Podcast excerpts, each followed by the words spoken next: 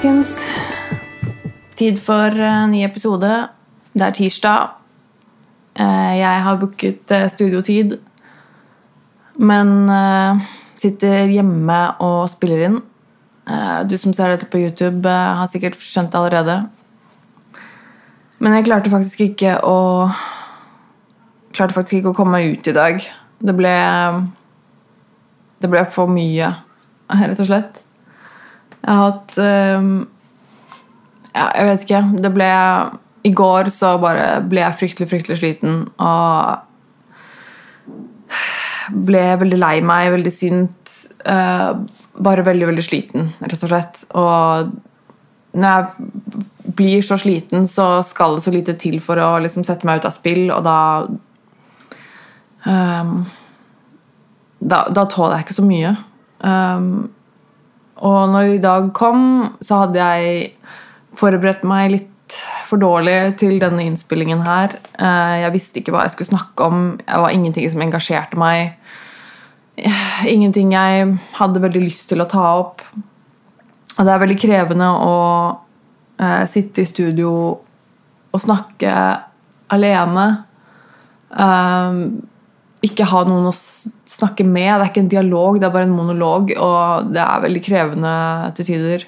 Og i dag hadde jeg rett og slett ikke lyst i det hele tatt. Um, det var bare helt umulig for meg å komme meg ut. Uh, men det er jo viktig for meg å få laget disse episodene. Jeg har ikke lyst til å hoppe over en uke bare fordi jeg føler meg dårlig.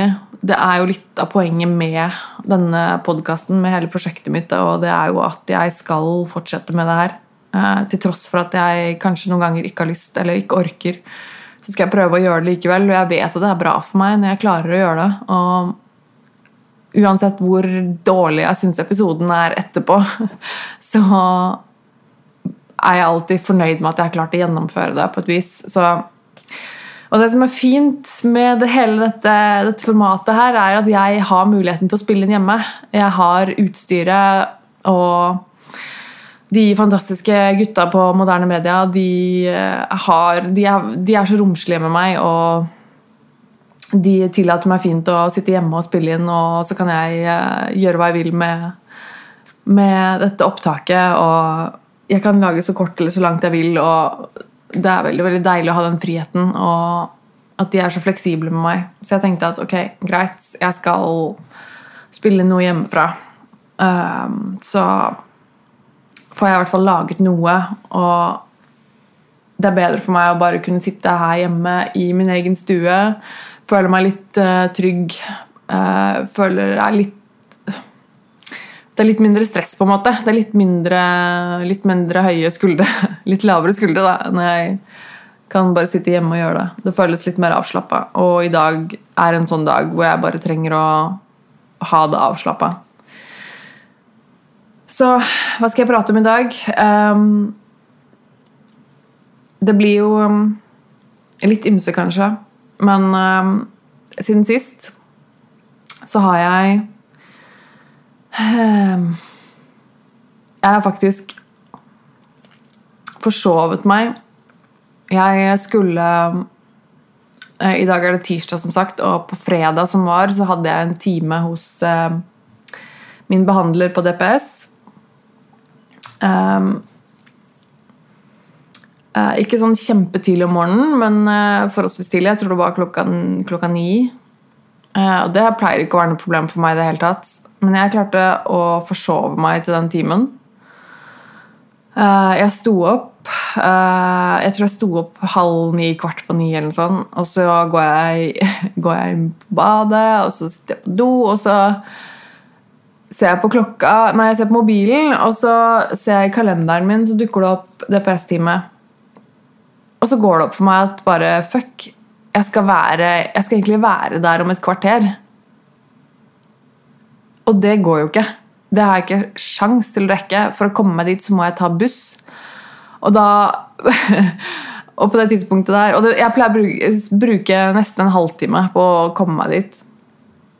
Eh, fra jeg går hjemmefra og til jeg er der, så tar det nesten en halvtime. Og på dette tidspunktet hvor jeg innser dette, så sitter jeg på do.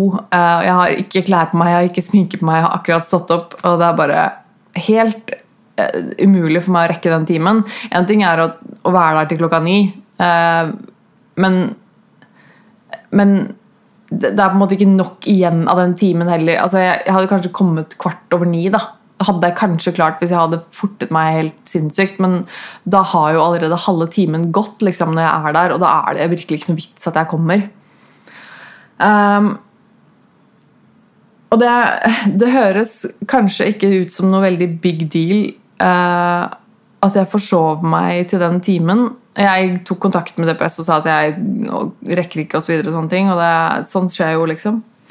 Men for meg så er det liksom egentlig ganske drøyt å forsove seg til DPS-teamet. Jeg har gått i behandling på DPS i eh, litt over halvannet år. Og det her er første gangen jeg har forsovet meg til en DPS-time. Jeg har aldri kommet for sent eller droppet ut av en time på DPS i det over halvannet året jeg har gått i behandling der. Og det det er mange grunner til det, men det, det sier også litt om meg. Og det er litt typisk meg. Dette her med, med avtaler. Og det å møte opp til avtaler, det er, det er, en sånn ting som er veldig viktig for meg.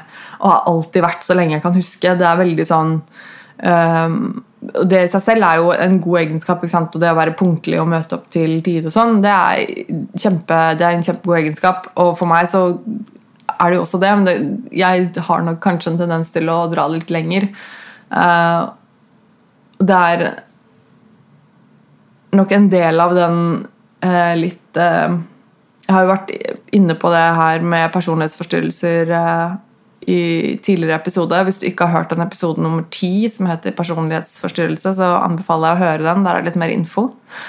Um, men da snakker jeg litt om det som, uh, det som i tidligere ICD kaltes uh, eh, tvangsprega personlighetsforstyrrelse.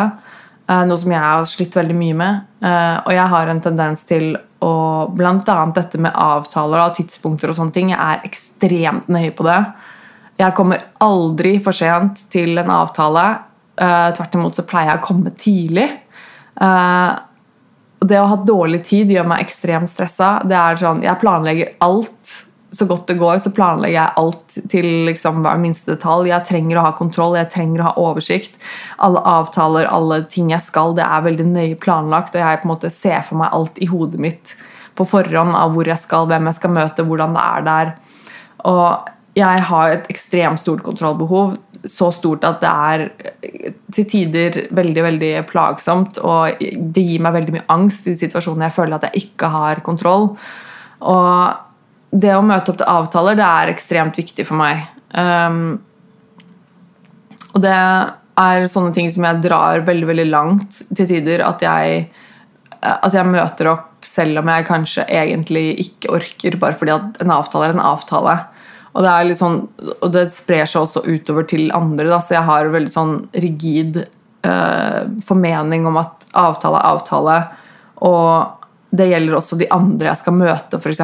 Så jeg har ekstremt høye krav til, til, meg selv, også, til, meg selv, men også til andre. Så hvis jeg har en avtale med noen, så er det sånn jeg forventer selvfølgelig av meg selv at jeg stiller tidspunkt til avtalt tid. Eh, senest eh, liksom, Hvis jeg har en avtale klokka seks, da, så er det liksom da stiller jeg opp klokka seks. Senest, helst liksom ti på seks.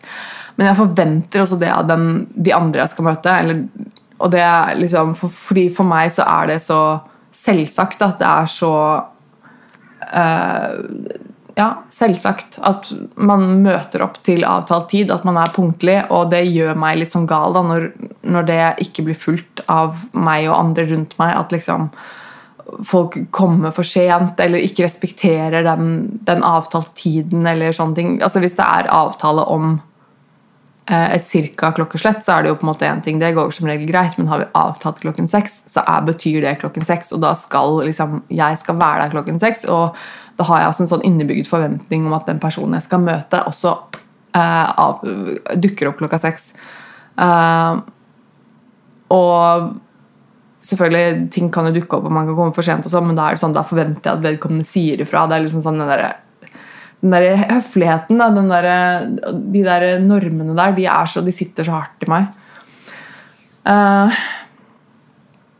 altså det å Og jeg merka det at det å, da, altså det å forsove seg da til DPS-teamet, det er liksom sånn som ikke skjer. Jeg forsover meg liksom aldri. Jeg kommer aldri for sent til ting. Jeg lar aldri være å dukke opp på ting uten å si fra på forhånd. Eh, sånn som i dag, studiotiden. Det er vondt for meg å ikke dukke opp til avtalt tid. Men jeg har eh, Og det, det, skal ganske mye til. Da skal jeg være i ganske dårlig form for å ikke dukke opp. Og hvis det er sånn da, sånn som i dag, at jeg er i såpass dårlig form at jeg ikke dukker opp der, så jeg, sier jeg fra på forhånd. Det er liksom Det er selvsagt, da. Så jeg, jeg vet ikke helt hva som har skjedd, på en måte. Hvorfor, hvorfor det plutselig skjer nå at jeg forsover meg til DPS-teamet. Det kan være mange grunner til det. Uh, jeg Jeg har en liten følelse av at jeg At jeg ikke tar det så seriøst lenger. Um, en ting er at jeg nå egentlig mest gruer meg til å gå til DPS-timene mine. Det er jo ikke uvanlig. Det har tidvis vært sånn at jeg syns det er veldig tøft å gå, gå, til de timene. Det er vanskelig å gå i behandling. Eh, det er tøft, og det er, det er mye jobbing, og det, det, er jeg klar over. Og sånn har det på en måte alltid vært, og periodevis vanskeligere og sånn enn andre. på en måte. Um, og det går opp og ned. Men jeg tror at uh, jeg tror at det, sånn som situasjonen er nå med den behandleren jeg har på DPS, og hele situasjonen min på DPS, uh, eh, gjør at jeg bare Jeg klarer ikke å Jeg, jeg har liksom gitt det litt oppfølge, faktisk. Uh, nå er det jo sånn at jeg Da jeg Da jeg begynte å gå uh, i behandling på DPS Det er nå litt mer enn halvannet år siden. Um, da jeg kom inn der, så fikk jeg tildelt en eh, behandler. Det var en psykolog i spesialisering. Uh, og jeg begynte å gå der. Jeg ante jo ikke noe om hva, diagnoser og sånne ting da. Jeg visste jo at jeg hadde det fælt. Jeg visste at jeg, at jeg hadde det så ille at jeg ikke kunne jobbe. Jeg var sykemeldt fra jobb og hadde vært det i lang tid, fordi at eh, jeg hadde det så, hadde det så vanskelig at jeg ikke klarte å jobbe. Og jeg visste jo at det, at, det, at det, gikk veldig dårlig med meg, og jeg visste at jeg var deprimert, men jeg visste jo ingenting om at jeg hadde en personlighetsforstyrrelse. Jeg ante jo ingenting om de andre diagnosene, om uh, uh, Ja, om, om, noen ting, egentlig. Jeg har jo bare gått og tenkt at jeg er vel bare kronisk deprimert og, og sånne ting. og Eh, ante ikke noe mer enn det. Og da jeg begynte å gå i, i behandling på DPS da, hos denne psykologen, så catcha han ganske fort, tror jeg, at, at det var noe mer enn bare depresjon. Og eh, starta utredning for personlighetsforstyrrelser og, og, litt ja, sånne ting. Det var jo som sagt tidligere i episode ti, så er det liksom eh, personlighetsforstyrrelse som er min hoveddiagnose, da, som er på en måte der grunnproblematikken min ligger. Og uh, jeg, jeg, følte jo at uh, den psykologen jeg fikk tildelt da, vi uh, Etter mye liksom, jobbing, og det, det, er, det, er, selvfølgelig vanskelig, men vi klarte å bygge opp en veldig god allianse. Um, et, et, bra tillitsbånd, vil jeg si. jeg stolte veldig på han, og jeg stolte på hans kunnskaper. og Um, og det er viktig når man går i behandling, at man har et, et, eh, et, greit forhold til behandleren sin. At man kan stole på at vedkommende uh, holdt på å si, klarer å gjøre jobben sin. altså at, at, det er en god allianse der. At det bygges opp en, en, tillit. Det er veldig, veldig viktig. Og det klarte vi ganske bra, uh, syns jeg. Eh, og vi fikk jobbet med ganske mye. Gikk, jeg har fortalt ting til han som jeg aldri har fortalt til noen. Uh, egentlig verken før eller siden, uh, tror jeg. Og det ble veldig viktig for meg. De timene ble viktige. Og selv om de var vanskelige og tøffe, og det var vondt å prate om det, så ble det viktig for meg. Jeg tok det, jeg tok det på alvor. Jeg ville vise han respekt ved å møte opp til timene. Jeg, ville, jeg, jeg visste at han tok meg på alvor. Han tok mine problemer på alvor. Han tok det seriøst, det jeg, det jeg fortalte han. Han trodde på det jeg fortalte. Og, og og det ble egentlig det ble på en måte så viktig for meg. De timene ble veldig, veldig viktige. Og så er det sånn at når man eh, Han som sagt det var psykologisk spesialisering. Um, og det er jo sånn når man er i et spesialiseringsforløp, så skal man på en måte innom diverse forskjellige uh, instanser, eller hva man skal si. da. Så han uh, skulle da slutte Uh, jobbe videre med spesialiseringen sin et annet sted. Um, så han uh, sluttet da uh, jeg, gikk, jeg, gikk, da til han i, i 14 måneder før han slutta.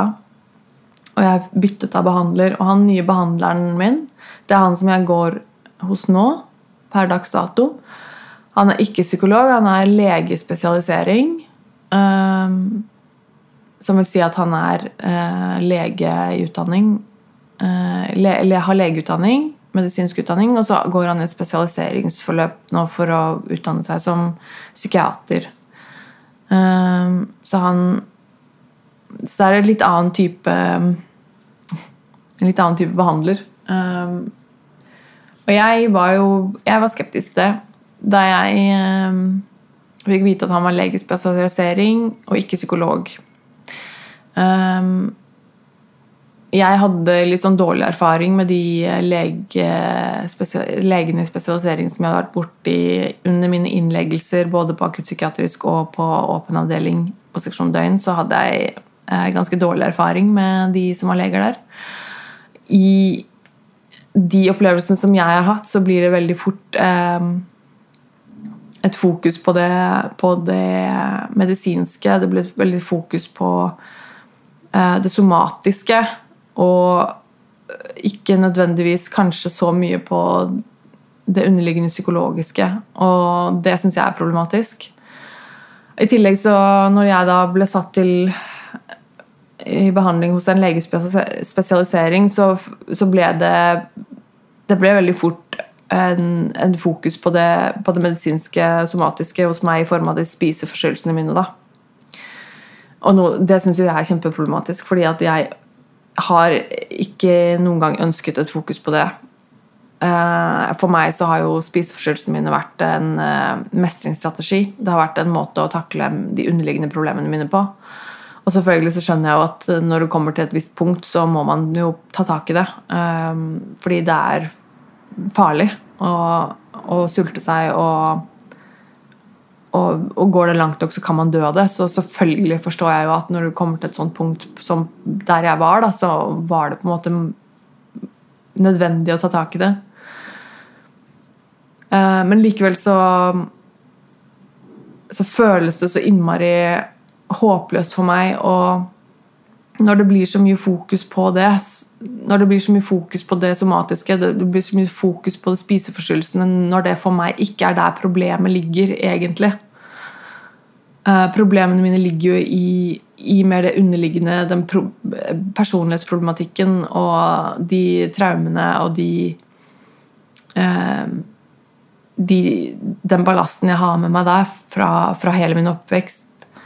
Og, og det er jo det jeg ønsker å jobbe med og jeg føler vel egentlig kanskje at jeg ikke blir tatt så innmari på alvor. Jeg tror det er litt der det ligger også. Eh, at etter at jeg byttet behandler, så fikk jeg færre timer. Jeg eh, var til og med uker plutselig hvor jeg ikke fikk noen time i det hele tatt. Eh, hvor jeg da måtte gå opptil to uker mellom hver time, som er, var veldig veldig vanskelig for meg. Jeg er vant til å Jeg var vant til å Eh, gå i behandling to ganger i uka hos eh, psykologen min da jeg gikk eh, hos han første. jeg forstår jo at det er det er, ikke, det er nok ikke så vanlig på DPS å få timer så hyppig. det å få timer to ganger i uka, da er, du, da er du heldig. For det er noe med kapasitet og sånne ting å gjøre, og selvfølgelig prioritering og sånn, men, men, de fleste har nok ikke kapasitet til å gi pasientene sine um, timer to ganger i uka, selv om de nok kanskje kunne ha, godt av det, uh, kunne hatt godt av det. Jeg var så heldig at jeg fikk det, og jeg, jeg, jeg følte jo at det var veldig nødvendig for meg. Og tydeligvis så følte psykologen min også på et tidspunkt at det var det, siden, siden jeg fikk det. Um, men etter at jeg byttet behandler, så ble det plutselig fokuset ble veldig skiftet over til det fysiske, somatiske, det spiseforstyrrelsene. Uh, jeg fikk færre timer. Og i tillegg til det at du da, når du bytter behandler, så er det en helt annen person som sitter der. Du har ikke automatisk et tillitsbånd til vedkommende, selv om vedkommende har, til, har tilgang på historien og altså journalen din og vet på en måte hva det handler om. Det er jo selvfølgelig ikke det samme. Eh, det tar tid å bygge opp et tillitsbånd, og spesielt for meg så gjør det det. Jeg sliter med dette med tillit til mennesker, og spesielt det å slippe folk inn på så nære ting. Det syns jeg er veldig, veldig vanskelig. Um, så av alt dette her så følte jeg vel egentlig at jeg øh, ikke ble tatt så veldig på alvor. Det var en det, det, Jeg ble plutselig Det føltes som jeg plutselig er blitt nedprioritert. At det ikke er så um, At mine ting ikke er så vanskelig. At det ikke er så viktig. Og selvfølgelig På et tidspunkt så skal, så skal, man trappe ned, på et tidspunkt så skal man ut av systemet, man skal klare seg selv osv. Det forstår jeg jo, men jeg følte jo selv at det ikke var tidspunktet. Um, og dette skjedde også på et tidspunkt hvor det var ekstremt mye som skjedde i livet mitt. Jeg ble separert fra mannen min og måtte flytte, og uh, det var eh, et, på et punkt Spiseforstyrrelsene mine var også på et punkt som var ganske forholdsvis ille. Og, eh, og så kommer da plutselig dette spørsmålet her opp med hva slags behandling skal man ha videre. Hvem skal, hvem skal være behandleren min? Hva slags behandling skal jeg få? Og det er fortsatt litt usikkert. For nå er det jo sånn at han behandleren som jeg går til nå, han som er lege i spesialisering, han skal jo også videre i spesialiseringen sin. Så etter at jeg begynte å gå hos han Jeg begynte å gå, med, eh, gå i behandling hos han i vel oktober, og nå er siste måneden hans på DPS, så skal han videre. Så det blir enda et behandlerbytte nå i april. Og da jeg forsov meg til denne timen på fredag, så eh, tok jeg kontakt selvfølgelig med en gang med, med DPS-en og sa at jeg hadde forstått meg, at jeg ikke kom til å rekke timen. Og så kontaktet han eh, behandleren min meg eh, senere på dagen, vel. Um, for å sette opp en ny time, og så viser det seg at uh, han ikke hadde noe ledig denne uka her, da. Uh, annet enn uh, på var det torsdag eller fredag, og da er jeg bortreist, så da kunne jeg ikke. Så det vil si at denne uka her har jeg ingen time. I tillegg til det så forteller han meg da at, uh, at jeg mest sannsynlig ikke kommer til å få noe time hos han de to siste ukene i mars. Så basically, den, den ene timen jeg fikk, da, som er da ikke denne uka, men neste uke, det blir da min siste time med han. plutselig. Jeg aner jo ikke hvem min nye behandler på DPS eh, skal være. Jeg eh, aner ingenting om vedkommende. Eh, og plutselig så får jeg vite at min siste time med behandleren min nå er neste time, som ikke er denne uka, men neste uke. Og så er det da lenge til neste gang jeg får noe behandling, tydeligvis fordi han ikke har noe time til meg de to siste ukene han er der. Um, som gjør meg veldig veldig frustrert.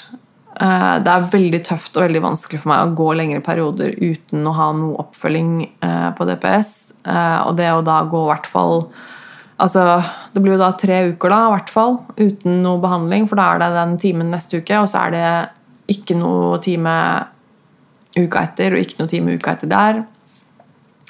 Og jeg kan vel ikke regne med å få noe time den første uka i april heller. Så og så aner jeg ikke hvem jeg skal til da, i april. Eh, så det er ekstremt frustrerende for meg. Eh, vi har hatt et mål, jeg og behandleren min, da, om å få meg inn i gruppeterapi. som jeg har snakket litt om. Fordi at de De vil nok helst bli kvitt meg på DPS. Um, og det sier jeg med all mulig forståelse. jeg har gått i, i, behandling der som sagt da, i over et, et og et halvt år. Um, og det er, um, det er ganske lenge til å være DPS. Og uh, så er det jo sånn at det er ikke ideelt fordi at behandlere på DPS stadig blir byttet ut fordi det ofte er folk som er i spesialisering og sånne ting. og det, Sånn er det jo. Eh, og det er, det er ikke ideelt å drive og bytte behandlere hele tiden. Og når man trenger lengre behandling, så er det ikke DPS som i hovedsak er det beste stedet å få det på. Eh, da skal man gjerne kanskje videre innenfor mer spesialiserte tilbud. Om det er spiseforstyrrelsesklinikker, poliklinikker, eller om det er gruppeseksjon, eller om det er ja, sånne ting. Jeg kunne egentlig godt tenkt meg å få behandling på um, Poliklinikken for um, personlighetsproblematikk på Ullevål, men der har de cutoff på 30 år. Så jeg er for gammel til å få behandling der. Og alle ting. Um, men nå nå vil de jo bli kvitt meg. Og så er det jo da et spørsmål om hvor de skal, hvor skal sjøfle meg videre til. Det det, det er helt, uh, helt, greit, holdt jeg på å si. Vi må bare finne en løsning på det. Jeg vil også nødig gå gjennom uh, flere behandlerbytter. Nå må jeg gå gjennom ett til nå i uh, overgangen april. Jeg har ikke lyst til å bytte flere ganger men det må jeg. Um, og jeg vet ikke helt Jeg fikk jo, jeg fikk jo avslag på den henvisningen til gruppeseksjonen pga. spiseforstyrrelsene mine. Så vi har, jeg og han behandleren som vi har gått til nå, vi har jo hatt en, plan, en slags plan om at vi skal prøve å få den uh, spiseforstyrrelsene-greiene litt under kontroll, sånn at vi kan søke meg på nytt igjen inn der. Um, jeg har ikke kommet så fryktelig langt med det, vil jeg påstå. Så da blir det vel det at jeg nå må bytte behandler til en eller annen eh, ny behandler da, på DPS, og så må jeg fortsette å jobbe videre med min spiseproblematikk til jeg får en plass på gruppeseksjonen. Så sammen med en behandler på DPS, da en ny behandler, og en klinisk ernæringsfysiolog eh, som jeg har fått time hos, men jeg fikk selvfølgelig time hos vedkommende da uh, denne uka her mens jeg er i Bergen, så jeg må se når jeg får en ny time. Og sånne ting tar tid. Uh, så jeg aner ikke når det blir. Jeg håper jeg får time neste uke. Um, men da også blir det jo fokus på selvfølgelig det fysiske, maten. Jeg går jo til henne for å snakke om da maten. Jeg syns det er så jævlig slitsomt at det er så mye fokus på den jævla maten hele tiden. Um, det er jo ikke sånn at jeg ikke tenker på det sjæl, på en måte. Eh, det er jo dritslitsomt å tenke på mat og må forholde seg til mat og få behandling for mat, holdt jeg på å si. Hele tiden er det liksom mat, mat, mat. Og så er det ikke det som er hovedproblematikken min engang. Det er bare så fuckings eh, frustrerende. Um, men uansett, eh, det at de Nå sier jeg det litt stygt, da, at de ønsker å bli kvitt meg. Det er jo ikke det høres veldig stygt ut. Det er jo på en måte ikke helt sånn det funker, men det er, det er jo for å finne den beste løsningen for meg. Det forstår jeg. Um, men tilbake til det med at jeg forsover meg, fordi det jeg syns er frustrerende med det, er at jeg, jeg, jeg mener jo at jeg som pasient skal ikke sitte og føle på det. Jeg skal ikke sitte og føle på at de vil bli kvitt meg. Jeg skal ikke sitte og føle på at jeg er en At jeg er til bry, eller at jeg eh, ikke blir tatt på alvor, eller at jeg er i veien. Og det er litt det jeg føler på nå. Nå føler jeg på det at de ønsker å dytte meg videre. At de ønsker å At jeg eh, på en måte ikke, ikke har plass der. At jeg ikke har den plassen som jeg trenger. De har ikke tid til å gi meg de timene jeg trenger. Eh, de har ikke mulighet til å gi meg den oppfølgingen, og det er frustrerende å kjenne på det. At eh, jeg ikke At jeg, jeg føler ikke at jeg får den hjelpen jeg trenger. nå. Og det, det er veldig vanskelig. Så det er vel litt med det. Um, og det er vanskelig å takle det noen ganger. Uh, for meg som for alle så går jo liksom livet opp og ned. Jeg har gode dager og jeg har dårlige dager. I dag er det en dårlig dag. På slutten av forrige uke så hadde jeg egentlig ganske gode dager. Uh, etter at jeg kom meg og klarte å lande litt etter liveshowet i i Trondheim og sånn, så har jeg egentlig hatt ganske gode dager. Um, helgen har vært ganske fin. Og så er det vel noe med at uh, det er blå mandag. Jeg vet ikke. Nei, det var i går, faktisk. Det er tirsdag i dag. Blå tirsdag. Nei, jeg vet ikke. Mm. Åh, sorry meg. Jeg må drikke litt kaffe.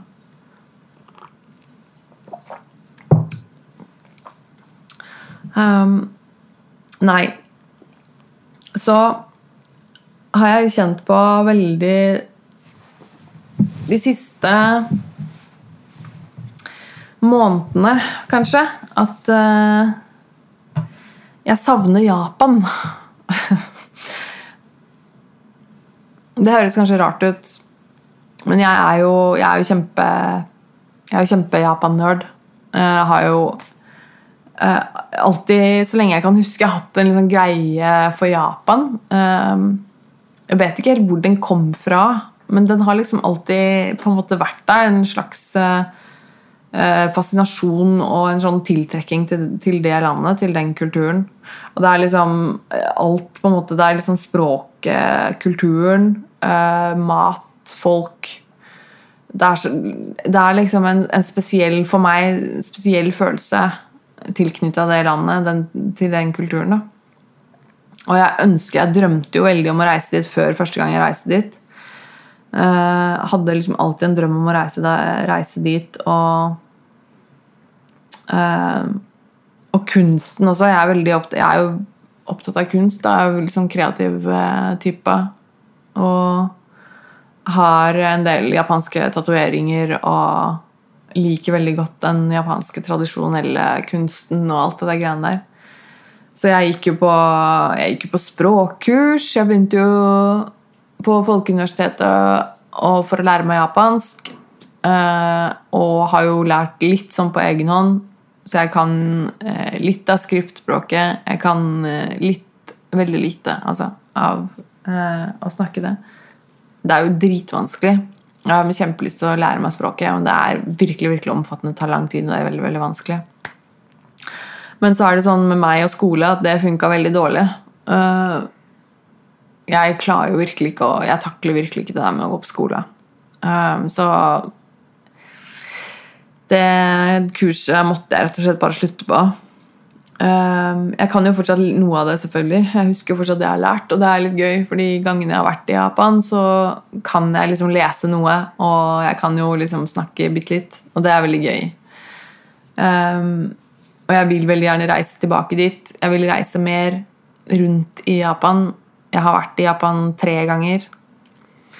Og uh, reist en del rundt i landet. Det er virkelig, virkelig, virkelig fantastisk. Både by og land. Jeg bare elsker det. Og det gjør noe veldig spesielt med meg, og det er veldig sånn sært, fordi eh, de gangene jeg har vært der, så har jeg det jeg har det veldig fantastisk. Veldig sånn ro. Veldig, veldig, jeg, hører, jeg, føler at jeg har en veldig tilhørighet der. Og når jeg drar hjem igjen eh, og kommer hjem til Norge, så er det alltid så hardt for meg. Fordi at jeg bare savner det. Med en gang jeg er kommet hjem, så er det bare vondt, fordi jeg bare vil tilbake dit og være der mer. Så det er en sånn veldig sånn uh, jeg, jeg, føler meg veldig hjemme der. Det er litt som å komme hjem, på et vis. Uh, og veldig, veldig eh, tilknytta til den kulturen og til, til liksom det landet av en eller annen grunn. Det er liksom bare jeg vet ikke, det er sikkert, Mange opplever sikkert det på, på forskjellige måter, men Uh, men ja um, For meg er det Japan. Um, og det er liksom dit jeg vil alltid. Hvis jeg skal reise et sted, så er det liksom dit jeg vil. Jeg tenker liksom en gang at jeg vil dit. Hvis jeg har noe ekstra penger eller det er om å reise på ferie, så er det alltid den som dukker opp først. Det er liksom det jeg vil til Japan. Uh, og det er, det er litt sært, men Men uh, Men ja. Uh, det er veldig dyrt, og det er veldig langt, så det er jo på en måte ikke noe man kan ta på impuls. Men jeg, jeg kommer nok til å savne det å ha en, en en kjæreste som er like opptatt av det som meg. Det merker jeg. Fordi eksmannen min var også veldig opptatt av Japan og ville veldig gjerne reise dit og var med meg alle gangene jeg har vært der. Og veldig opptatt av kulturen og her hjemme og liksom se på filmer og liksom referanser. Um, det merker jeg at jeg kommer til å savne, fordi nå er jeg liksom mer alene om det. Men jeg håper å kunne reise tilbake dit. Jeg bare merker at nå, jeg har ikke vært der siden juli i fjor. Og det er jo ikke så lenge siden egentlig, men for meg så kjennes det veldig lenge ut. Eh, jeg har pleid å, Siden jeg var der første gangen, så har jeg reist dit en gang i året. Og det ser litt mørkt ut for om jeg kan få reist dit i år. Bare fordi det er liksom Det er veldig dyrt, og jeg har jo ikke penger. Um, men det er lov å håpe. Um, jeg tenker at um, det, var, ja, det, var, bare noen tanker jeg hadde. Jeg kan sitte og snakke om Japan ja, jeg vet, tror jeg. Uh, jeg skal ikke gjøre det. Jeg merker at jeg begynner å bli sliten av å snakke nå, så jeg skal avslutte. Men jeg jeg har, så, jeg har liksom nok å gjøre i dag, så jeg må egentlig, jeg må egentlig avslutte. Og jeg er egentlig kjempestressa også fordi jeg skal reise til Bergen i morgen. Uh, jeg skal reise til, altså I dag er det tirsdag. Jeg reiser til Bergen fra onsdag til torsdag. Og så er det liveshow med Dialogisk i Kristiansand på fredag. Og så skal jeg være i Kristiansand over helgen, da. Sammen med kjæresten min. Uh, så det blir, det blir mye reising, og det stresser meg litt. Jeg blir fort veldig stressa av å reise. Så uh, jeg må liksom få slappet av litt og føle at jeg har ting under kontroll og pakke og Det må jeg liksom få gjort nå. Så Men jeg håper at jeg kanskje treffer noen av dere på liveshow til Dialogisk. At dere kommer dit og ser på. Det, det hadde vært kjempegøy. jeg tror det blir et morsomt show, så jeg gleder meg veldig til det. Jeg gleder meg jo veldig til å reise. Jeg bare gruer meg til alt stresset. Men uansett um, Ja, dette her ble en litt annerledes episode. Uh, men jeg håper den har gitt deg noe. Um, og i det minste så kan jeg i hvert fall si til meg selv at jeg klarte å spille inn noe i dag, selv om jeg føler meg skikkelig crap. Jeg håper virkelig at din dag er bedre enn min. Um, altså Forhåpentligvis så føler jeg meg litt bedre neste uke, for da skal jeg ha med meg en gjest i studio. Jeg har faktisk klart å booke en gjest. Uh, og hvis alt går etter planen, da, så skal han være med i studio neste uke. Han heter Kaveh Rashidi. Han er lege. Veldig veldig kul, veldig flink eh, fyr. Eh, vært mye i media, skrevet eh, kronikker og vært mye gjestet i andre podkaster og på radio og sånne ting. Så jeg, er veldig gira på han med. Jeg syns det er dritkult. Så jeg gleder meg veldig til det. Så forhåpentligvis er jeg litt bedre form neste uke. Jeg håper du hører på da. Og så får du ha en kjempefin uke i mellomtiden. Og så høres vi igjen da. Ha det bra, folkens.